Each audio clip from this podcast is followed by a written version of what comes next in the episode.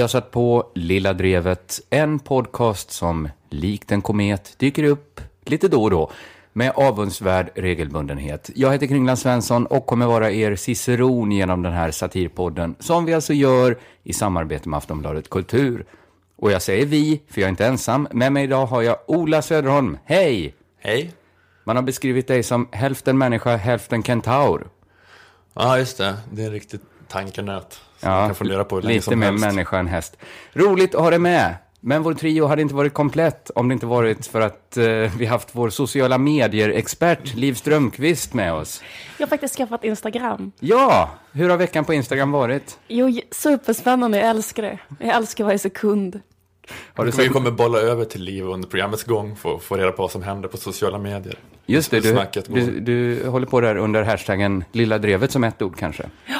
Har du sett några trender? Jag vet inte. Jag tycker det känns som, det, det känns som att det finns en självföraktande selfie-trend. Liksom att ingen vill lägga upp det. Och sen Aha. kanske någon lägger upp det och då ber de om ursäkt och sådär. Det är en trend. Det är en trend? Ja, okej. Alltså att eh, selfien har blivit skambelagd. Okej, nu ska vi också veta att Liv är väldigt, väldigt ny på Instagram. Men, men det kan ju stämma i alla fall. Du har inte hunnit kolla av allt som finns där ännu. Men folk lägger upp lika mycket selfies men de gör det lite ursäktande. Då är det okej tycker jag. Det tycker jag. Eh, jag var inte med här förra veckan. Och det var med viss eh, sorg som jag lyssnade. Du, Ola, vill inte puffa framåt. Det här är alltså radiospråk för att berätta något eh, som ska komma senare i programmet. Ja, just det. Lägga en liten puff. Det ligger mig väldigt varmt om hjärtat, men du sa att det aldrig lett till något gott. Ja, Men i, i vårt fall, att vi, men det är ju mera, det är inte, jag menar inte att det är omöjligt att skriva, skriva en bra puff, men det är bara att vi har misslyckats Det skulle aldrig leda till något intressant. Och sen Särskilt, ni... nan, särskilt Nanna, jag gillar inte att snacka skit om folk när de inte är här, men Nanna är bedrövlig på att puffa framåt. Tillfället kräver ändå nu att Ola måste säga något negativt om Nanna. Det går inte att Varje gång får jag Nanna, vad ska du prata om idag? Så säger hon typ, en överraskning. Ja, och sen har, har ni, hade ni ett jättelångt intressant samtal om det, som Nanna sa. Och man blev lockad att stanna kvar.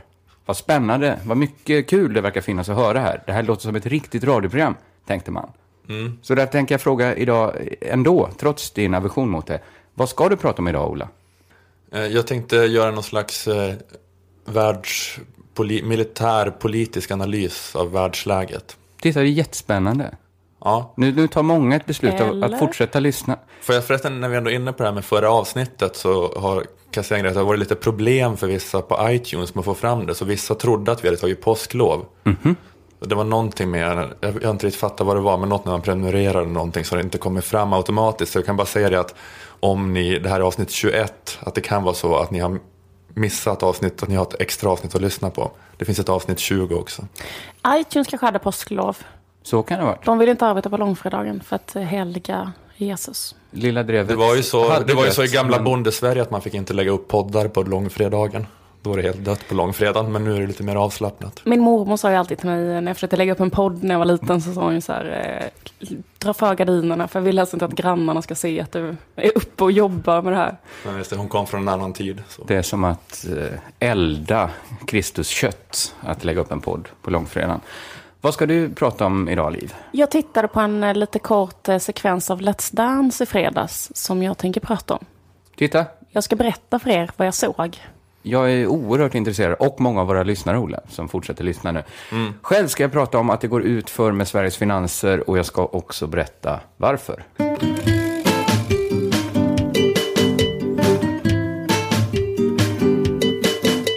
Ja, den eh, borgerliga regeringen, känd från tidigare avsnitt av Lilla Drevet, eh, den gjorde ett utspel i tisdags Jaså? Eh, på Dagens Nyheters debattsida. Vanligaste utspelsplatsen i Sverige. vad skrev de? Eh, De skrev att de vill öka anslagen för försvaret. Öka resurserna med 5,5 miljard kronor årligen. Eller en sjätton, sjättedels Nuon-affär. Tjugondels Nuon. En sjättedel av vad Nuon är värt idag. Eh, Men Åh, en tjugondel, tjugon, en, tjugondel, en tjugondel är mindre än en sjättedel, Liv. Det går inte ihop. Håll käften. Jävla nördar. Nu nu kan jag inte hämta, det, här, kan- det här kan jag inte hämta mig ifrån. Bara fortsätt. Ehm, Men ehm, det man vill göra är då att bygga tio nya JAS-plan och två nya ubåtar som ska patrullera runt Gotland. Eh, det är typ det det räcker till. För här, miljarder är väldigt lite i försvarssammanhang. Jättedyrt med flygplan och ubåtar.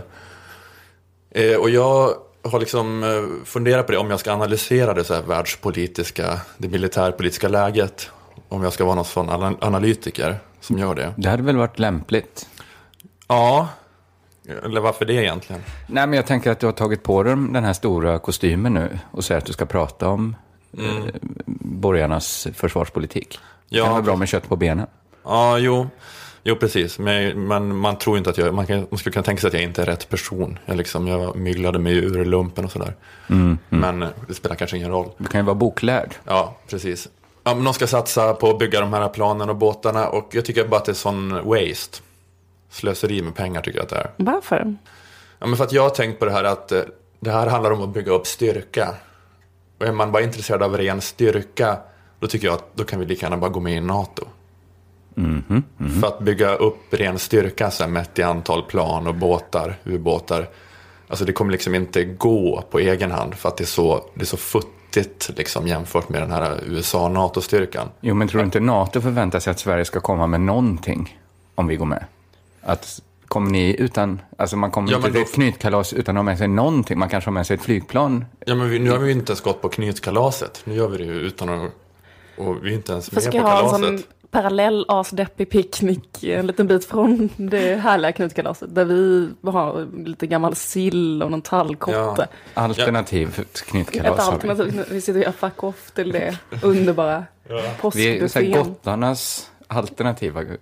Ja men visst, men om vi går med i NATO, om Sverige går med i NATO, då, kan man väl, då får man väl liksom ta med sig det som påbjuds. Men eh, hålla på på egen hand är liksom meningslöst för att det kommer inte gå att bygga upp en styrka som på något sätt räknas på egen hand. Eh, men vill man då ändå vara för sig själv, så vill Sverige vara för sig själva men ändå vara en som räknas. Då gäller det att satsa på att vara vild. Okej. Alltså man kan skita i det där med styrka och istället satsa på att vara vild. För jag tänkte på att det här är som när man var liten, när man var liten eh, om man är kille. Typ så här på låg och mellanstadiet. Då visste ju alla killarna hur starka alla killarna var. Just det. Eller hur? Det fanns en sån tydlig hierarki, 1, 2, 3, 4. Till exempel var jag starkast. Va? Var det någon. Ingen ville brottas med mig för att jag var starkast. Men du gick bara med massa samer eller vad frågan om? Hade du en supertidig pubertet? Klipp bort det jag sa om samer, för det var ju fruktansvärt rasistiskt. Det är klart det finns starka samer. Nu behöver du inte klippa bort det mer, för att kan lyfta en stor sten på raka armar. Ja, precis. Ehm, Det är så himla konstigt kränk mot samer. liksom aldrig hört att de skulle vara svaga. Det känns som att så här, jag tror inte ens de skulle bli sårade för de vet liksom. De om- vet att de Nej, är men- ungefär lika starka som andra minoriteter. liksom inget för, super- fördomen om samer att de kan brottas ner av en 11-årig Ola Söderholm. Men finns det inte någon liten fördom att de skulle vara lite små? Och en sanning om Ola att han är ganska lång. Att han kan hålla bort en same med en rak arm. Men jag var ju väldigt, alltså i låg och mellanstadieåldern var jag väldigt, jag var lång, jag var stor jag var ganska så här, seg, jag åkte längdskidor. Jag var rätt stark så. Berätta mer. Så ingen ville brottas med mig för att jag var så stark. De sa i och för sig att de inte ville brottas med mig för att det var äckligt för att jag ibland fick stånd. men, jag, men jag tror att det mest var för att jag var stark. Det gick rykten om att man kunde få sjukdomar om man brottades med dig.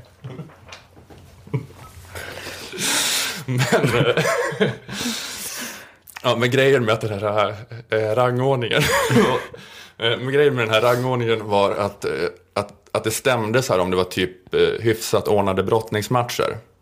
Då stämde det här hur stark man var liksom. Att den som var starkare vann över den som var svagare. Men om det var så här upprört slagsmål på riktigt. Alltså då kunde någon som var lite svagare ibland vinna över en starkare om den hade trumfkortet vild. Alltså vissa hade det epitetet, han är inte så stark men han är vild. Han kan göra vad som helst. Ja. Ja, för jag hade lite det problemet att jag var, jag var typ bra på de här ordnade brottningsmatcherna men jag var kanske inte så bra på att slåss. Men det är Så- bara att ta en blyertspenna och hugga någon i ögat så vinner man ju. Ja, precis. Jag hade inte det i mig. Så Om, jag, om jag mötte någon som så här vevade som en galning och slet och rev så då kunde jag bli paralyserad av det och gå förlorande ur duellen. Trots att jag var starkare. Ja, man måste ha den här gränslösheten. Och det är det jag tänker då att om man ser på världspolitiken som en skolgård så är det ju så uppenbart då nu, som det är nu, att USA och NATO är starkast. Alltså förr i tiden har det kanske varit sådana säkerhetspolitiska lägen att det varit brottningsmatcher mellan lite olika hyfsat jämnstarka parter. Men idag är det ingen idé för någon att brottas längre. Nej, För men det ut- finns ju utgången då... är så given. Ja, men, men så finns det ju då vildhuvuden då. Som Ja. Osama bin Laden kanske Ja. var ett bra Ja, men exakt. brushuvud. Det Men är ja, inte NATO lite vilda också? De är väl också sådär, nu invaderar vi Irak, FN har inte sagt något, bla bla bla. Men skit i det, de är ändå starka, de starka och klarar vilda. sig ändå utan att vara, göra det vilt. Ja, de bändar ju ner Irak bara. De brottar, lägger sig på Irak. men, eh, ja, men det finns ingen som är i närheten av att brotta ner USA. Men däremot då kan man då komma åt USA lite grann genom att peta USA i ögonen. Så du menar typ att Bitas. Sverige borde bara ta hela sin försvarsbudget och köpa en atombomb? Men jag tror Ja. så här, tusen kuvert och mjältbrand. Det ska vara hela budgeten. Precis. Det är liksom eh, motsvarigheten till att bitas eller så här, slita i pungen. Eller, sådana Börja grejer. posta hej vilt. Här kommer ett brev från Carl Bildt. Vad kan det vara? Var det ett pulver? Ja, men det var det. Ja, men till exempel Osama En bin Laden. kanelbulle med lite socker på som är postad till Putin. Ja, men det var det, var det till exempel Al-Qaida gjorde då med, när de flög in med planen i World Trade Center. Att, eh, World Trade Center. Just det. Det var inte bara en eh, rak kraftmätning utan det var så att tänka utanför lådan. Då. Att så, hur ska jag vinna den här armbrytningsmatchen? Jag kastar en näve grus i ansiktet på honom och knä honom i skrevet.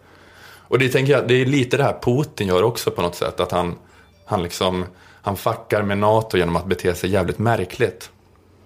Eh, NATO är starkare men de blir så här paralyserat och handlingsförlamat av Putins irrationella beteende. Så om svenska försvarsmakten vill vara något att räkna med, något som så här omvärlden trippar på tå runt, då kan man lika gärna skita i det här med att rusta upp en konventionell krigsmakt, eftersom att den inte går att tävla på den arenan, utan det gäller att rusta upp en irrationell och vild krigsmakt. Alltså istället för att satsa pengar på ubåtar ska man satsa pengar på att utbilda flygplanskapare. Men kan man inte bara göra så att alla de stockholmarna som brukar vara på Stock- i Gotland hela sommarhalvåret, att bara ge dem, liksom, de, kommer vara, de är alltid fulla, typ, bara ge dem random vapen, typ eh, kanske minor, typ, eller något sånt där som de kan kasta, eller jag vet inte. Minor, knivar, kaststjärnor, vad som helst. Ja, men det, är så det är lite den här ryska grejen, alltså utbilda paramilitära miliser som bara springer runt på gatorna och skapar kaos och destabiliserar. Så här, viftar med svenska flaggar, flaggor, kanske så här, anfaller någon demonstration med baseballträn. Eh, ockuperar någon myndighetsbyggnad. Och alla liksom anar att de har order uppifrån på något vis, men det är så här, förnekas hela tiden. Och då liksom, sen använder man dem som någon så här förevändning för att gå in och återställa ordningen motverka oordningen som man själv har framkallat. Alltså, dels, ja, men det finns dels den här al-Qaida-grejen, bara göra sådana, flyga in med plan i något, men också den här ryska utsykningstaktiken. Hålla på att lära sig anordna fejkade folkomröstningar. Och, jag vet inte, ja, men det gäller, jag tror det gäller bara liksom att lära sig alla fula knep på något sätt. Ja. Om, ja. Svenska försvarsmakten kan fakturera Lilla Drevet.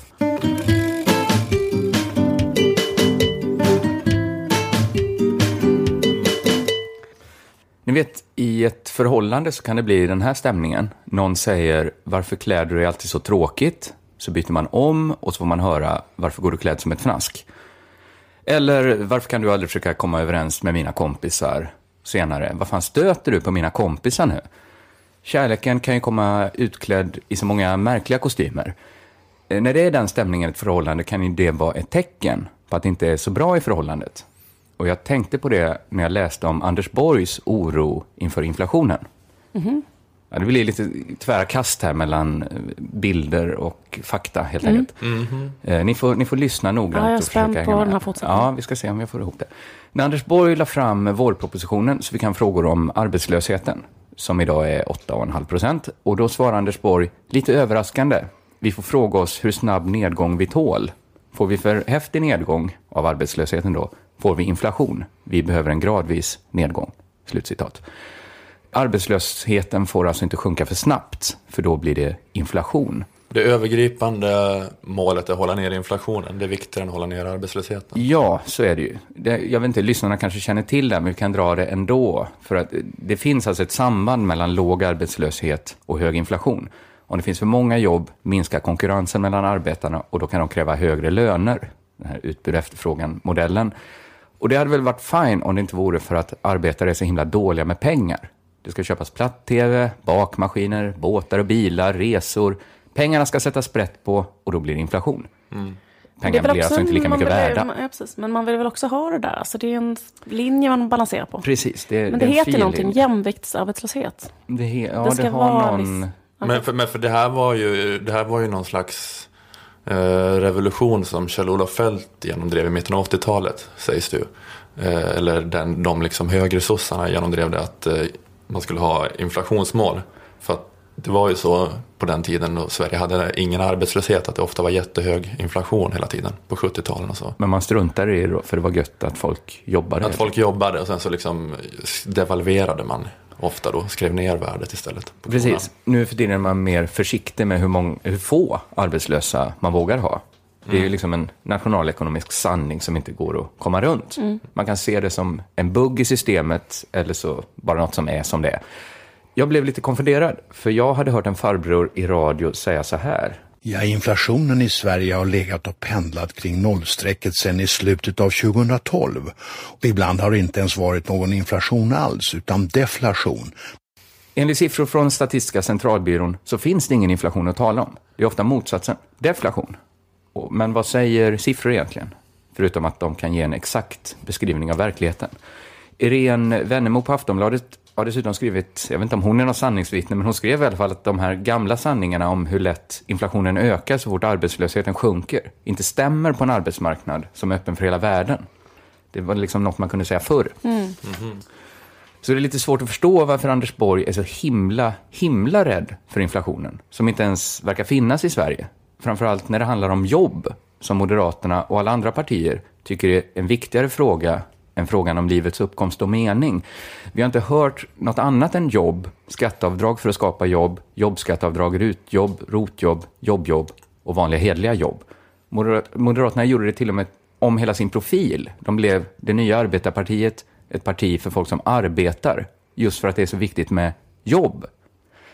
Och det här funkade ju svinbra, att Moderaterna blev det nya arbetarpartiet. Fullt av människor som jobbar. Det var en jävla fin kärlekshistoria mellan de nya Moderaterna och det arbetande folket. Det var kanske inte lika bra för de sjukskrivna, arbetslösa och utförsäkrade, men vem orkar tänka på sånt när man är kär och galen? Eh, men nu tycker jag att man kan se att den här kärleksrelationen mellan arbetarpartiet och det arbetande folket håller på att ta slut. Lite som jag beskrev ett dåligt förhållande tidigt. Jag vet, ett sånt förhållande där man säger, måste du träna hela tiden? Vi är ju aldrig tillsammans. Vad fet du har blivit. Den typen av dubbla påståenden, små nålstick som kan uppstå med Menar du förhållande i att svenska kris. folket är så orättvisa mot Anders Borg just nu? Nej, jag tycker inte det är de som är, Som är problemet. problemet här. Ni måste jobba, Det är säger inte Anders vi, Borg. det är han. Ja, det är inte vi, det är han. Ni måste jobba, säger Anders Borg. Sen, är ni inte kloka? Ska ni hålla på och jobba och låta inflationen gå i taket? Man bara känner, nu, nu blir allt jag gör fel. Hur jag än anstränger mig, jag jobbar, då är det fel. Jag är arbetslös, då är inte det heller bra. Hur vill ni ha det? Och nu kan man tänka, vad har jag för makt att göra den här jämförelsen? Jag är väl ingen nationalekonom. Men det är inte bara jag som eh, har liksom liknat Sveriges finanspolitik vid ett förhållande. Det har också Nobelpristagaren Paul Krugman gjort. Han har kritiserat Sverige. Känner ni till, brukar ni läsa hans kolumner i New York Times? Eh, så nej. Nej. Inte jag heller. Jag hittar i- via en blogg. Wolfgang Hanssons blogg. Paul Krugman är alltså Nobelpristagare i ekonomi då. Och han har tidigare älskat Sverige och vårt sätt att klara den ekonomiska krisen. Vi var rockstjärnor i hans ögon. Det är ju en speciell värld, den här ekonomivärlden, vem som är, vad en rockstjärna är. Men, men, men de har älskat, eller han har älskat Sverige för att vi klarar krisen så bra, mycket bättre än många andra länder trots då att vi, vi hade en ganska hög arbetslöshet och låg inflation, men vi klarade krisen. Men trots, trots då det här med hög arbetslöshet och låg inflation så bestämde Riksbanken sig för att höja räntorna. Det är ju något man gör för att få ner konsumtionen om inflationen är hög, som den inte var. Och följden blev då enligt Krugman att arbetslösheten slutade sjunka och det blev deflation. Alltså ett obegripligt scenario för den här Nobelpristagaren i ekonomi. Och han använder uttrycket sadomonetarism. Eh, alltså om det som Riksbanken och Anders Borg gör. När man till varje pris vill bekämpa inflationen är det ett slags sadism inom ekonomin. Sadomonetarism. att man medvetet orsakar samhället och dess invånare onödig smärta. Men för, för att Riksbanken håller räntan för hög. Precis. För att de tycker det är sexigt. Ja, för att Ja, de, exakt. Det är det han kommer in på. Att Paul Krugman... Stefan Ingves blir liksom sexuellt upphetsad av att hålla reporäntan 0,25 procent högre än vad den borde vara. Det är inte jag som säger det, utan Paul Krugman, Nobelpristagare i ekonomi, som säger att det finns en lust hos vissa mäktiga män att framstå som seriösa, som vill liksom demonstrera hur tuffa och kompromisslösa de är genom att tillfoga skada. Han avslutar sin eh, kolumn med varning till sin amerikanska läsare, eh, som jag har översatt hjälpligt här. När seriösa män i mörka kostymer säger att det är dags att strypa pen- pengaflödet och höja räntorna, se upp. Se vad dessa människor har gjort med Sverige. Det är ändå hårda ord. Men det är kanske så att eh, kärlek kan ta slut. Det var ett vackert förhållande mellan den arbetande klassen och det nya arbetarpartiet. Men om en i förhållandet börjar liksom ställa helt orimliga krav, de här du- dubbla, vad ska man säga, dubbla bestraffningarna, jobba, jobba inte, och beter sig allmänt sadistiskt, då är det kanske dags att, jag vet inte, lämna förhållandet.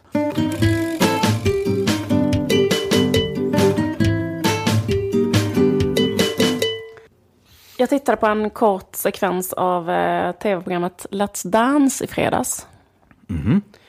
Och eftersom det här är radio så kan jag inte visa det här klippet för er. Så då måste ni själva visualisera vad jag kommer berätta för er nu.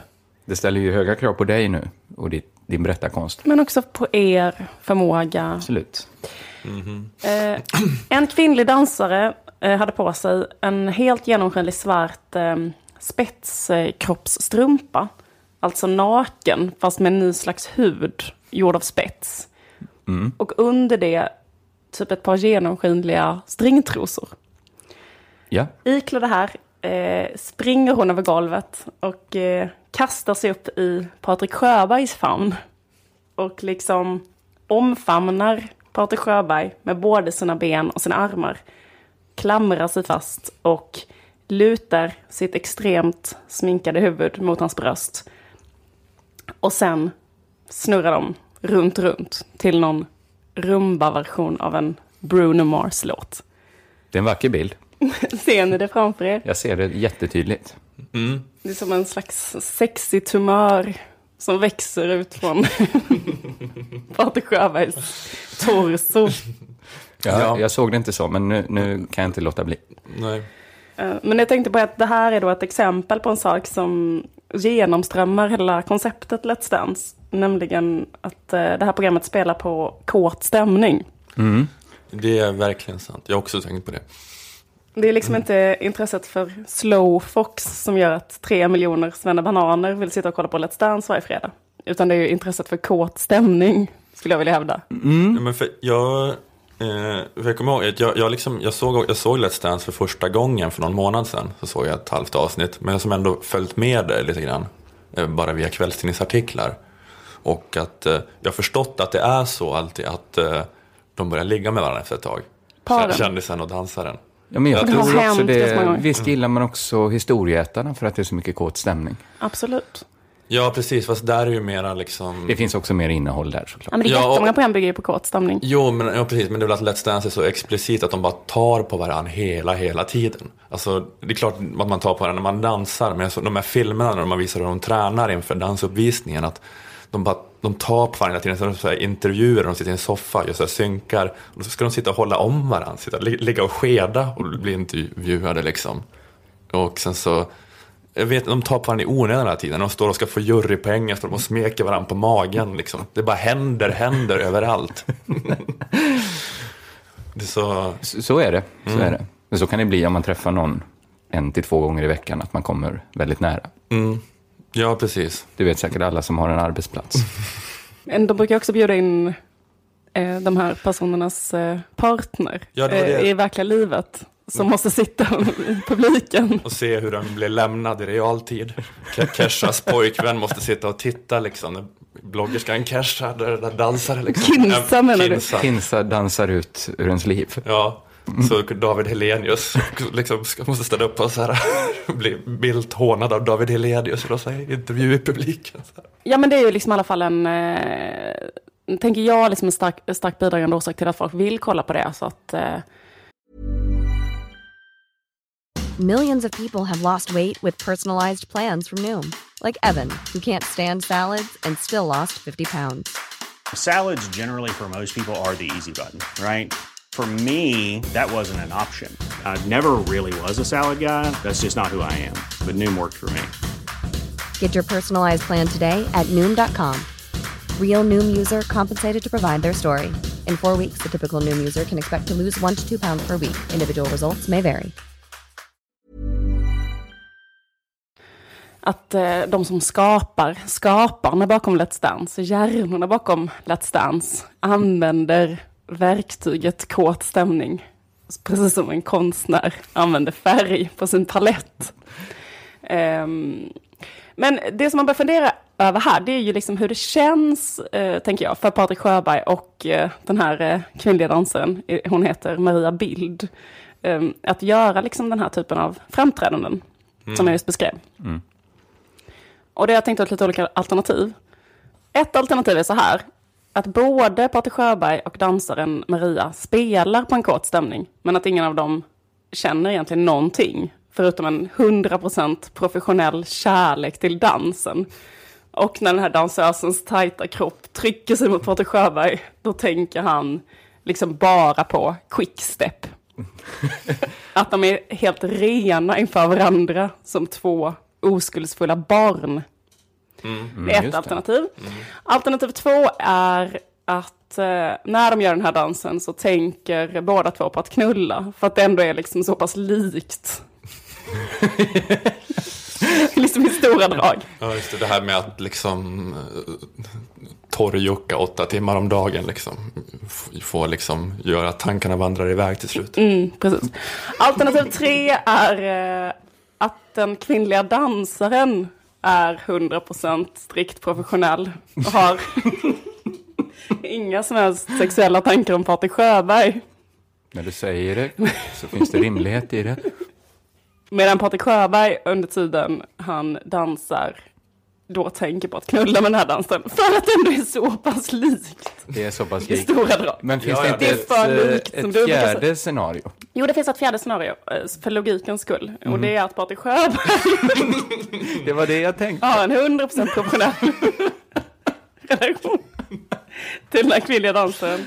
Och när hon liksom ålar sig ner för hans kropp i en genomskinlig kroppstrumpa, då är det för honom lika asexuellt som att en lilla syster skulle åla sig ner för hans kropp i en genomskinlig kroppstrumpa. Han sådär. tänker bara telefonröster. Det här är bra för röstandet. Ja, han för han vill vinna tävlingen. på sin takt. Medan den kvinnliga dansaren är uppfylld av en önskan att eh, knulla med Patrik Sjöberg. Ja, ehm, vad tror ni? Eh, ja, det är jättesvårt. Det går ju inte att sätta sig i hjärnan på en annan människa. Så. Nej, det är omöjligt.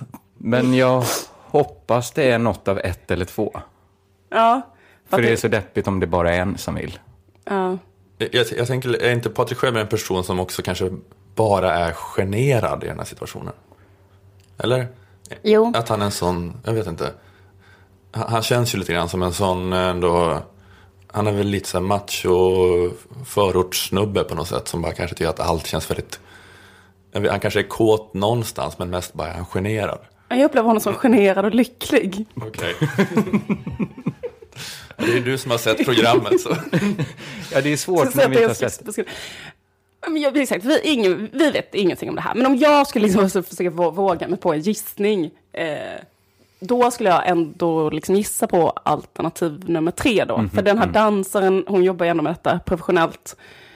Eh, hon eh, har ju ändå det här som ett jobb på ett annat sätt än Patrik Sjöberg. Och hon har varit med en massa säsonger och liksom dansat med så här Marcus Schenkenberg och Måns Zelmerlöw. Ännu hottare karlar än Patrik Sjöberg. Ja, om det är möjligt att hitta så har hon liksom... Då hon varit Ja. Hon skulle också kunna ha legat med allihopa, men jag ve, velat... Det är ju inte eh, superprofessionellt att alltid vara kåt på sitt jobb.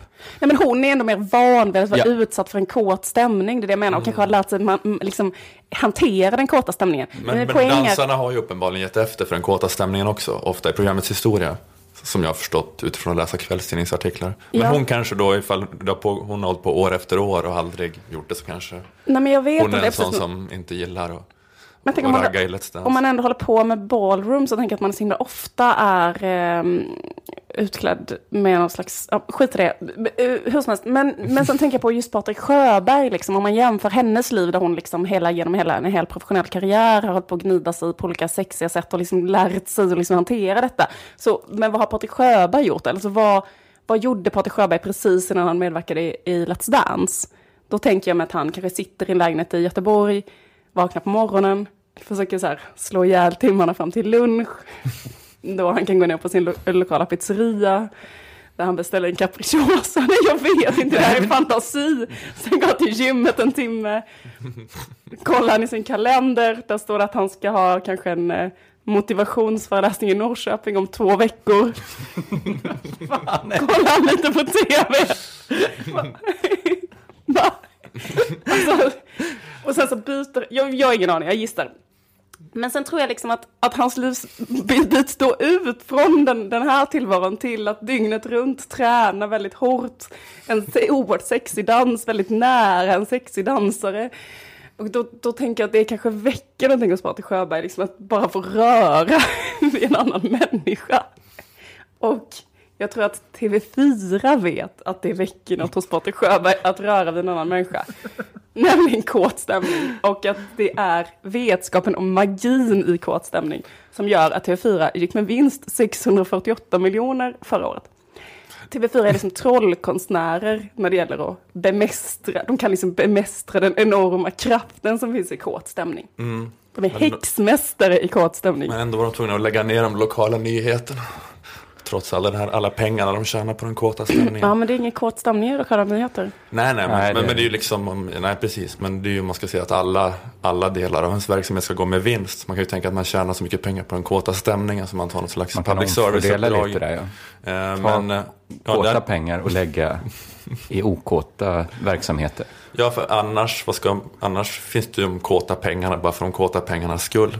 Varför tjänar man så mycket kåta pengar annars? Ja. Ja, jag vet inte. Jag vet inte heller. Men det enda jag skulle vilja lyfta det är liksom eh, arbetsmiljön för de kvinnliga dansarna i Let's Dance. Alltså att TV4 letar upp sådana här gamla idrottsstjärnor. Sådana män som kanske aldrig rör vid andra människor. Alltså sådana slags män som är så här att de skulle träffa en fruktansvärt älskad barndomsvän som de kanske har trott var död i 20 år. Då skulle de ändå bara hälsa den barndomsvännen med en sån boxning på axeln. Sådana män. liksom hur det blir för dem. Den typen av avgrund som öppnas upp hos dem när en kvinnlig dansare hjälpligt eh, skild av något litet silkestyg ålar upp och ner för deras kropp. Åtta, nio timmar om dagen. Men det är Alltså jag tänker att man blir kåtare och kåtare för varje dag, det är så många veckor också. Att man liksom kanske inte tänker på det till en början, men att det är så oundvikligt att bara tänka, tänka, tänka på det.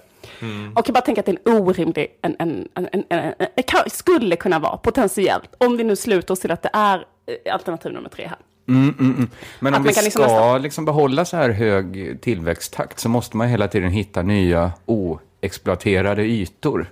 Och det är ju fantastiskt att TV4 hittade då gamla idrotts, okåta idrottsstjärnor att kåta upp. Att det kunde bli en marknad. Ja, men det, känns, det är någonting med det som är så här, okej man köper det att vi liksom använder äh, Patrik Sjöberg som någon sån cirkusbjörn som man liksom använder den här kvinnliga dansaren, att man pushar honom också längre och längre, att man känner så här, men sluta nu liksom, det liksom låt honom vara, sätt inte på en sån kroppstrumpa att hon liksom ska, det liksom blir bara värre och värre, att det står någon sån TV4-gubbe där bak och så här, hon ska också ha på sig stringtrosor under, vi bara kör mera, mera, och så bara, hon ska klättra på honom nu, nästa avsnitt, vad ska hända då?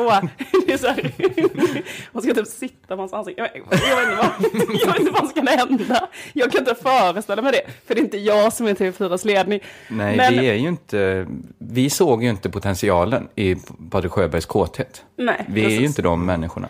Nej men exakt, det enda det fel med detta, som du säger så bidrar det till tillväxten och vem är jag att säga något negativt om det? Det är bara det att jag tänker pyttelite lyfta en lite grann prata om det, stämning för hur det kanske är att vara då jobba som dansare i Let's Dance och det skulle kunna vara så att, eller jag vet inte, att man, att man nästan kan se också, tycker jag lite, jag kanske läser in för mycket med de här kvinnliga dansarna, att när de stannar kvar vecka efter vecka, att det är så här, Patrik och Maria dansar vidare en vecka till och att hon liksom inte ser så glad ut då. Hon, ler, hon ler inte med ögonen.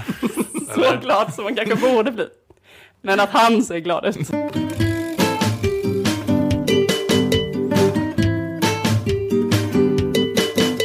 Tänk er en varg med stora vassa tänder som fyller munnen med ägg och bär hem till sina valpar. Så försiktigt den måste gå för att inte äggen ska vara förstörda när den kommer fram. Lika mun den varsamt... måste ha. Ja, väldigt stor mun. Väldigt stor mun. Men lika varsamt bärs ju vi fram av akademikernas a-kassa. Vi är deras dyrbara last. Ja, det är en fin bild. Det är, det är en fin bild.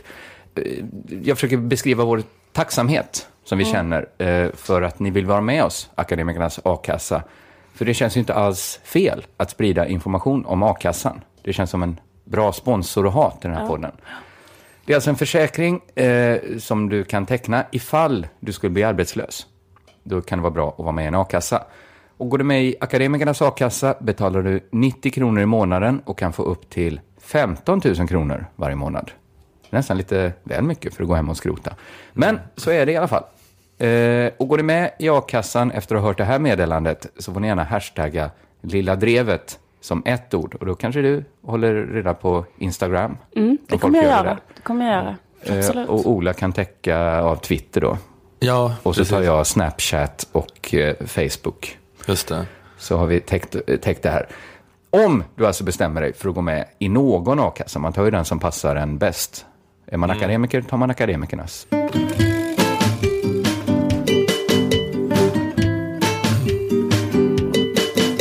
Men jag tänkte lite mer på den här äh, vinst i välfärden-frågan. Det är ett ämne som ligger dig varmt om hjärtat. Ja, det är något, äh, det är ju, ja, det är ganska många som tänker på den. Svårt att sluta tänka på. Ja, men det, vi har ju pratat om det att det är en så speciell fråga på så vis att det bara är 330 människor i Sverige som är för vinster i välfärden och alla de sitter i riksdagen. Ja. Att eh, även en majoritet av de borgerliga väljarna är emot vinstuttag i offentlig välfärd men politikerna älskar vinsterna. Det finns kanske också ett gäng som äger eh, sådana bolag som också är för. Det Ja, det är klart. Du får plussa på 335. några, några till. Ja. Fast de Bra. kanske också sitter i riksdagen. Så att vi säger 330. De satt i riksdagen på 90-talet för Socialdemokraterna. Ja, just det. Ja, men det är som att politikerna har någon slags intuition eller magkänsla för den här frågan som man inte riktigt greppar själv. Att de svarar ja på en rad frågor där man kanske tror att svaret är nej. Så är det att om man ska köpa mat åt dagisbarn och då får skattepengar för att göra det, ska man då ha rätt att inte använda pengarna till mat åt dagisbarn? Ja, det ska man ha rätt Ja, det till. trodde man det skulle bli nej, men Ja. så blev det ja. ja. Så är man extremist och man tycker att det inte ska gå att lyfta ut vinst från skattefinansierade skolor? Ja, det är man. Är alla länder extremister då, förutom Sverige och Chile? Ja, alla länder i världen är vänsterextremister. Förutom Sverige och Chile. Obehagligt. Eh, och vad är, det, vad är det som liksom får oss att ta hand om barn och gamla och sjuka och svaga? Vad i oss är det som gör det? Varför stryker vi med handen över pannan på en dement gamling som skriker av dödsångest? Gör vi det för att tjäna pengar? Ja, det gör vi. Det måste vara drivkraften. Eh, det råder en väldigt så bred politisk konsensus om det. Men jag funderar på det här att, eh, alltså, att det måste ju tydligen då vara vinst. Men jag tänkte så här, kan man hitta någon kompromiss? Eh, att det är okej med vinst i välfärden men att vinsten inte är skattepengar. Ja Kan man ha någon annan vinst bara? Någon slags Ja, ja, ja. diplom eller en plakett? Så ja. Nej, mer symboliskt alltså. Jag menar, bara någon, att de har vunnit på något sätt, få någon vinst. Triss, biocheckar kanske. Ja, eller som där... Eh, eh, vad finns det för sådana där utmärkelser där man inte tjänar pengar? Alltså det finns ju också sådana där... Vi har planterat ett träd på Afrikas horn. Nej, jag tänker mer att man kan få en utmärkelse som inte är pengar, men det är en så himla fin utmärkelse. Man kanske kan bli landshövding. Något sånt.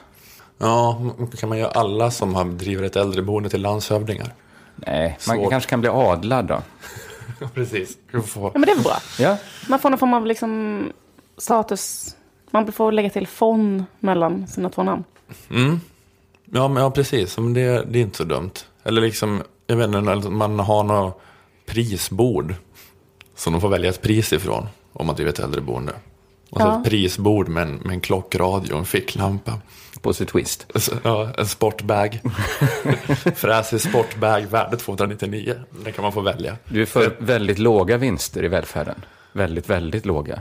Ja, Alltså ett maxvärde på 350 kronor Kanske kanske. en supercool eh, så här, vintage sportbag som är jättesvår att få tag på. Kanske en mountainbike.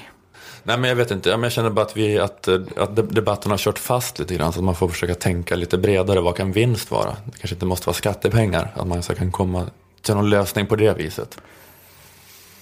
De kanske kan få, um, um, jag vet inte, någonting som är värt något på riktigt i livet. Alltså, Kärlek. Ja men exakt. Ja. De kan få en, de kan få ett barn.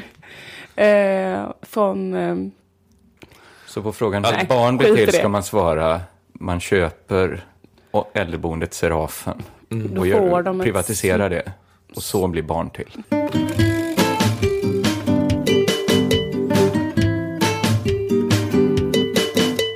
Det var hemska, hemska rubriker i tidningarna. Stora svarta bokstäver. Och kanske mest hemskt var det för Miljöpartiets bättre hälft, Gustav Fridolin.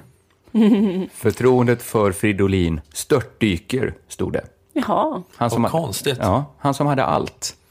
Tajt kropp, vacker fru och ett jävla fint förtroende. Har inte längre något förtroende. Han har inte allt. 7 procent har han rasat, enligt de här undersökningarna. men är inte det för att han inte har varit med i tv liksom? Tvärtom, tror folk. Alltså man vet inte alls, men enda spekulationen som finns, tycks det, är att han har varit med för mycket i media Jaha. senaste tiden. Folk gillar inte politiker som syns och pratar så mycket. Men han, eh, eller det verkar så konstigt. Varför, eh, varför, skulle han, eh, varför skulle folk reagera mer negativt på honom än någon annan? Eller jag fattar inte. Nej, men jag ska försöka förklara då. Ja. Nej, men jag har en teori. Men det är väl inte omöjligt att förstå att det är, är, inte, är, en omöjligt att inte älska. Visa mig den en människa som inte älskar Gustaf Fridolin, så Nej, men ska jag jag visa dig ett monster. Ja, men jag är det tycker så du inte- tänker? Ja, men jag tycker inte att, nej men säger inte att, det, är att, man, att man måste älska Gustaf Fridolin, men jag tänker att om man så här, rasar mycket förtroende, jag tänker att det, han har ju inte haft någon så här, han har ju liksom inte så här, äh, precis haft någon Nuon-skandal eller något sånt där. Det är väl inget särskilt, det är bara att, Men är det- att han låter det här- lite lik Jimmy Åkesson på rösten? Men är tror det, jag det är inte. inte det här att klimat, alltså att, att vad heter det, medeltemperaturen håller på att höjas i rasande takt och trots att vi har röstat på Miljöpartiet flera val nu här så... Ja, det är den här fyra Alltså, graders Man uppvärmning. märker att uppvärmningen- Fridolin har inte kunnat stoppa den globala är, är inte fyra graders uppvärmningen hans Nuon liksom? Jag tycker inte vi kan hålla bara Gustaf Fridolin skyldig. Att han har så här ätit eh, sydafrikanska jordgubbar Ja, men hela varför har vintern. du inte genomfört en med progressiv klimatpolitik efter alla dessa år kan man fråga sig. Men så, det kan man fråga sig. Men Det jag frå- vill jag tror... fråga honom här ifall han lyssnar. Om han, det är mycket möjligt. Han känns som den typiska Lilla Drevet-lyssnaren. Politisk, engagerad, ung, vit, Tajt kropp. heterosexuell, tajt kropp, vacker fru, dåligt förtroende. Allt det där som våra lyssnare har. Men jag tänker så här att Miljöpartiet är så himla fel parti för en man som Gustav Fridolin. Vi brukar ju skoja om vilket kluvet parti Centern är med sin Stureplansfalang och sina, och sina gamla bönder. Intressena i partiet går isär. Det är olika sorters typer. Men det är ju ingenting emot hur kluvet Miljöpartiet är. För det finns ju två sorters miljöpartister. Riktigt jävla sansade människor, alltså sådana som läst på, oroar sig för den globala uppvärmningen. Sansade män- människor som kanske varit vänster, men vuxit upp och inte känner sig så vänster i sin bostadsrätt på Södermalm. Samtidigt som de är för sansade, för sejna för att rösta på högern. Det är ju de som, som ultrasansade människor röstar ju på Miljöpartiet. Mm. Och så finns det den andra Det är väl halvan. att detta är det mest sansade du kan föreställa dig. Liksom. Välbeställd medelklass med dåligt samvete. Jättesans. Det går inte. på jorden. Det är ju inga människor som startar ett barslagsmål som röstar på Miljöpartiet. Nej, jag förstår vad du menar. Alltså det är sansade människor. Men är det inte också människor som... Men, okej, Fast bara halva partiet. Ja, och- Andra halvan, kokosnötter. Rättshaverister, alternativmedicinare, konspirationsteoretiker, elallergiker. Det är ju andra halvan.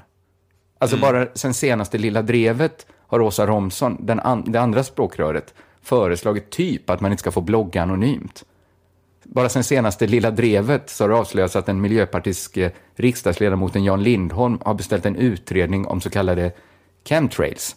Han vill alltså att svenska staten ska utreda den något ska vi säga, kontroversiella teorin om att man medvetet blandar vissa kemikalier i flygplansbränsle för att förändra, för, för att förändra vädret och människorna. Va? Ja, det, det har kommit fram nu. Vem hade sagt jag, det här jag skulle försöka, det vara kul om man bara kunde utreda det för att men om det är så uppenbart att det är så, kan man inte bara kolla upp det? Ja, men, ja jo, det kan man göra. Men det är Vad, ju, vad, vad hade han för post sa Jan Lindholm? han, sitter, han är riksdagsledamot. Och han tror att eh, liksom... Han tycker att det kan att, att. Illuminati blandar in någonting i flygplansbränslet. Han sa inte just som, Illuminati, men, men riksdagens utredningstjänst fick då förklara att de här vita strecken efter flygplan, det är vatten. Men i Katrineholms-Kuriren så har miljöpartisten Pernilla Hagberg stridit för den här teorin också. Alltså det finns inom Miljöpartiet. Att hon vet att Kina till exempel då kontrollerade vädret med hjälp av flygplansbränsle under OS. Det vet hon. Den stämningen är det ju också i Miljöpartiet. Det är, ehm, de vill att vi ska tro att det är vatten. De vill att vi ska tro att det bara är vatten, ja. Det, jag visste att det var det ni skulle säga. Sa Jan Lindholm när han fick det svaret. Problemet är ju att... De har ju också försökt strida, de har haft innan, de har inte gjort så mycket nu på sista tiden, men de hade ju innan väldigt mycket uppe det där med att strida för polyamorösas rättigheter. Vilket ju liksom kanske inte behöver vara fel, även om jag kan tycka att kanske polyamorösa inte är liksom en utsatt grupp på det sättet i samhället. Alltså att, att jag känner att de liksom jag är lite provocerad av polyamorösa. För jag kan liksom inte tänka mig någon grupp alltså, som är egentligen liksom Alltså tänker att de bara är så jävla typ så sexuellt tillfredsställda och helt så rufsiga hår, helt rosiga kinder och går omkring och lallar så här på stan och dominerar och... och Och då går de inte runt i någon slags emotionell tortyr. Nej, jag tror att de de är. älskar livet och, eh, och liksom ligger med alla de träffar och, så. och det är väl underbart. Men då tänker man så här, "Va- behöver ni någon politisk företrädare som ska göra någonting för er ännu bättre? Hur, hur kan era liv bli bättre? Ja, men det kan bli bättre att de inte behöver de här Teams-passen vid Facebook där de försöker kartlägga sina åtta partners, vad de gör. För att inte drabbas av panikdåligt ja, självförtroende. Ja, precis. Jag, tror att de, Eh. jag tror att de behöver mycket stöd för det här. Enorma livslögner de lever i. Där de låtsas vara helt coola. Med. Livsfarligt, att man bara kan ta de bra bitarna från ett förhållande. Jag tycker det finns något som är provocerande för människor som inte eh, har så stor tur på dejtingmarknaden att behöva vara med och driva politiskt Ja, att polyamorösa ska ha mer rättigheter. Ja, just det, om man inte har fått ligga själv på På jättelänge. så är jättelänge. det- ja. Mm. Och sen är stämningen så här, måste du hålla ett politiskt brandtal för att människorna med sina Sitter- 19 fruar någon- ska få det lite bättre. Någon Patrik Sjöberg som inte får med i Let's Dance sitter och undrar varför ska mina skattepengar gå till kondomer den här killen? Absolut. Problemet... Du måste ligga med fyra, fem olika människor i veckan. Det är jobbigt. Det är jobbigt, Patrik. Problemet Patrik är... Sjöberg får väl ligga mycket i och för sig. Jag tycker att den... eh, Att, alltså, det- att det, att det var, jag uppskattade ditt inlägg, men Patrik Sjöberg tror inte han får ligga mycket. Jo, För sakens skull kan vi säga att han säkert ligger med en så här jätteung brasilianska. Ja, men nej, för de har precis skilt sig. Ja. Så att just, alltså har de just, goda minnena kvar. Pratar du om Fernanda så kan jag säga att statusen och Fernanda har varit så här. Hon har lämnat lägenheten, han vill inte prata om det. Hon är tillbaka i Brasilien efter åtta års äktenskap. Så att jag tror att han är lite shaky just nu. Det är bara det jag säger. Okej. All right, då blir det ännu mer opassande att, att vi skojar så mycket om det. Vi går tillbaka till Miljöpartiet, där jag just eh, målat upp den eh, polariserade bilden som finns, splittringen inom partiet, bland kokosnötter och Seina. Problemet är ju att Fridolin är ju en sane människa, supersansad. Han är en av de allra mest sansade människorna i svensk politik. Och det gör ju såklart att han inte får något förtroende. För kokosnötterna känner ju igen en sansad människa när de ser den. Där går en som inte tänker låta oss bygga en elsäker grop i skogen och gräva ner våra barn över vintern. Så tänker den falangen av Miljöpartiet. Där går en som har en mobiltelefon och sprider äcklig strålning omkring sig, tänker de. De har ju inget förtroende för en sansad människa som säger att det är vatten som kommer ur flygplansmotorer. Mm. Det, Man ska få köpa kristaller med högkostnadskort. Det kommer han säga nej till. De vet att Gustaf Fridolin inte går, genomgår en kristallterapi. Det spelar liksom ingen roll att Gustaf Fridolin försöker. Han kanske låtsas som att det visst kan vara så att staten vill att vi ska vara sjuka. Att det är därför man delar ut vaccin. Men han lurar Eller, eller ger amalgam. Precis. Han lurar ingen. Alla vet att han har läst en bok. Eh, han är helt enkelt för sansad. Och eftersom de supersansade i partiet vet att Gustaf Fridolin är en sansad människa, så tycker de att de har rätt att ställa vissa krav på Fridolin. De har väl inget förtroende för en människa som daltar med en elallergiker? Eller hur? Alltså, det här är min spaning, att Gustaf Fridolin kanske måste välja sida. Och det borde inte vara så svårt för honom att välja sida. Att de sansade tycker också att han daltar för mycket med kokosnötterna. Ja, men det måste de ju tycka. Det måste ju vara jobbigt att vara med i ett parti där det är så högt i tak. Eller? Ja. Eller att de tycker att vi kanske har lite rätt. Det, det blir pinsamt när vi kommer alla. Men du vet, han, du vill att han, Gustaf Fridolin ska bli mer som den här humanisterna, hästsvanskillen, Nej, men jag Christer vill, Sturmark jag vill ingenting för jag skiter i liksom. Miljöpartiet. Men jag tänker för hans skull. Om man inte vill ha det här förtroendekrisen. Men jag tror det är för att han bara sitter och mal eh, så, inom ett sånt extremt ointressant spann. Liksom att han bara sitter och säger sådana här saker. Så här. Alltså varje gång jag hör honom så säger han att skolan, jag vet inte, att det kanske är viktigt att ha en bra lärare eller någon sån, Det är ju hans kärnfråga. Ja, något sånt där. Han älskar skolan. han, sitter- han pratar bara på ett sätt som, och sen så, så vill man ju att han ska säga då, men då kanske vi ska förbjuda vinst i välfärden i skolan. Då är det så här, nej det ska vi inte. Vi ska bara med en sån konstig Han är, halvlåg röst säga att det är så viktigt med en bra lärare. Eller något. jag kom på att jag hade ett skämt om det där med skola, apropå skolan med betygen. De inför betyg från fjärde klass vill de införa. Men då ska det inte vara A till F, det ska vara A till E. eh, Betygen i fjärde klass. Och A står då för alla kunskapskrav uppfyllda. Och E står för endast behörig till lärarhögskolan. Ja, det är bra.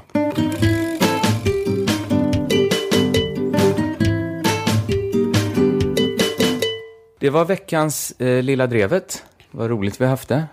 Kul Ja. att ni har lyssnat. Ja, det är alltså det ni lyssnat på en podcast som vi gör i samarbete med Aftonbladet Kultur. Och den hade varit otroligt svår för oss att få ihop om det inte var för vår sponsor, Akademikernas A-kassa.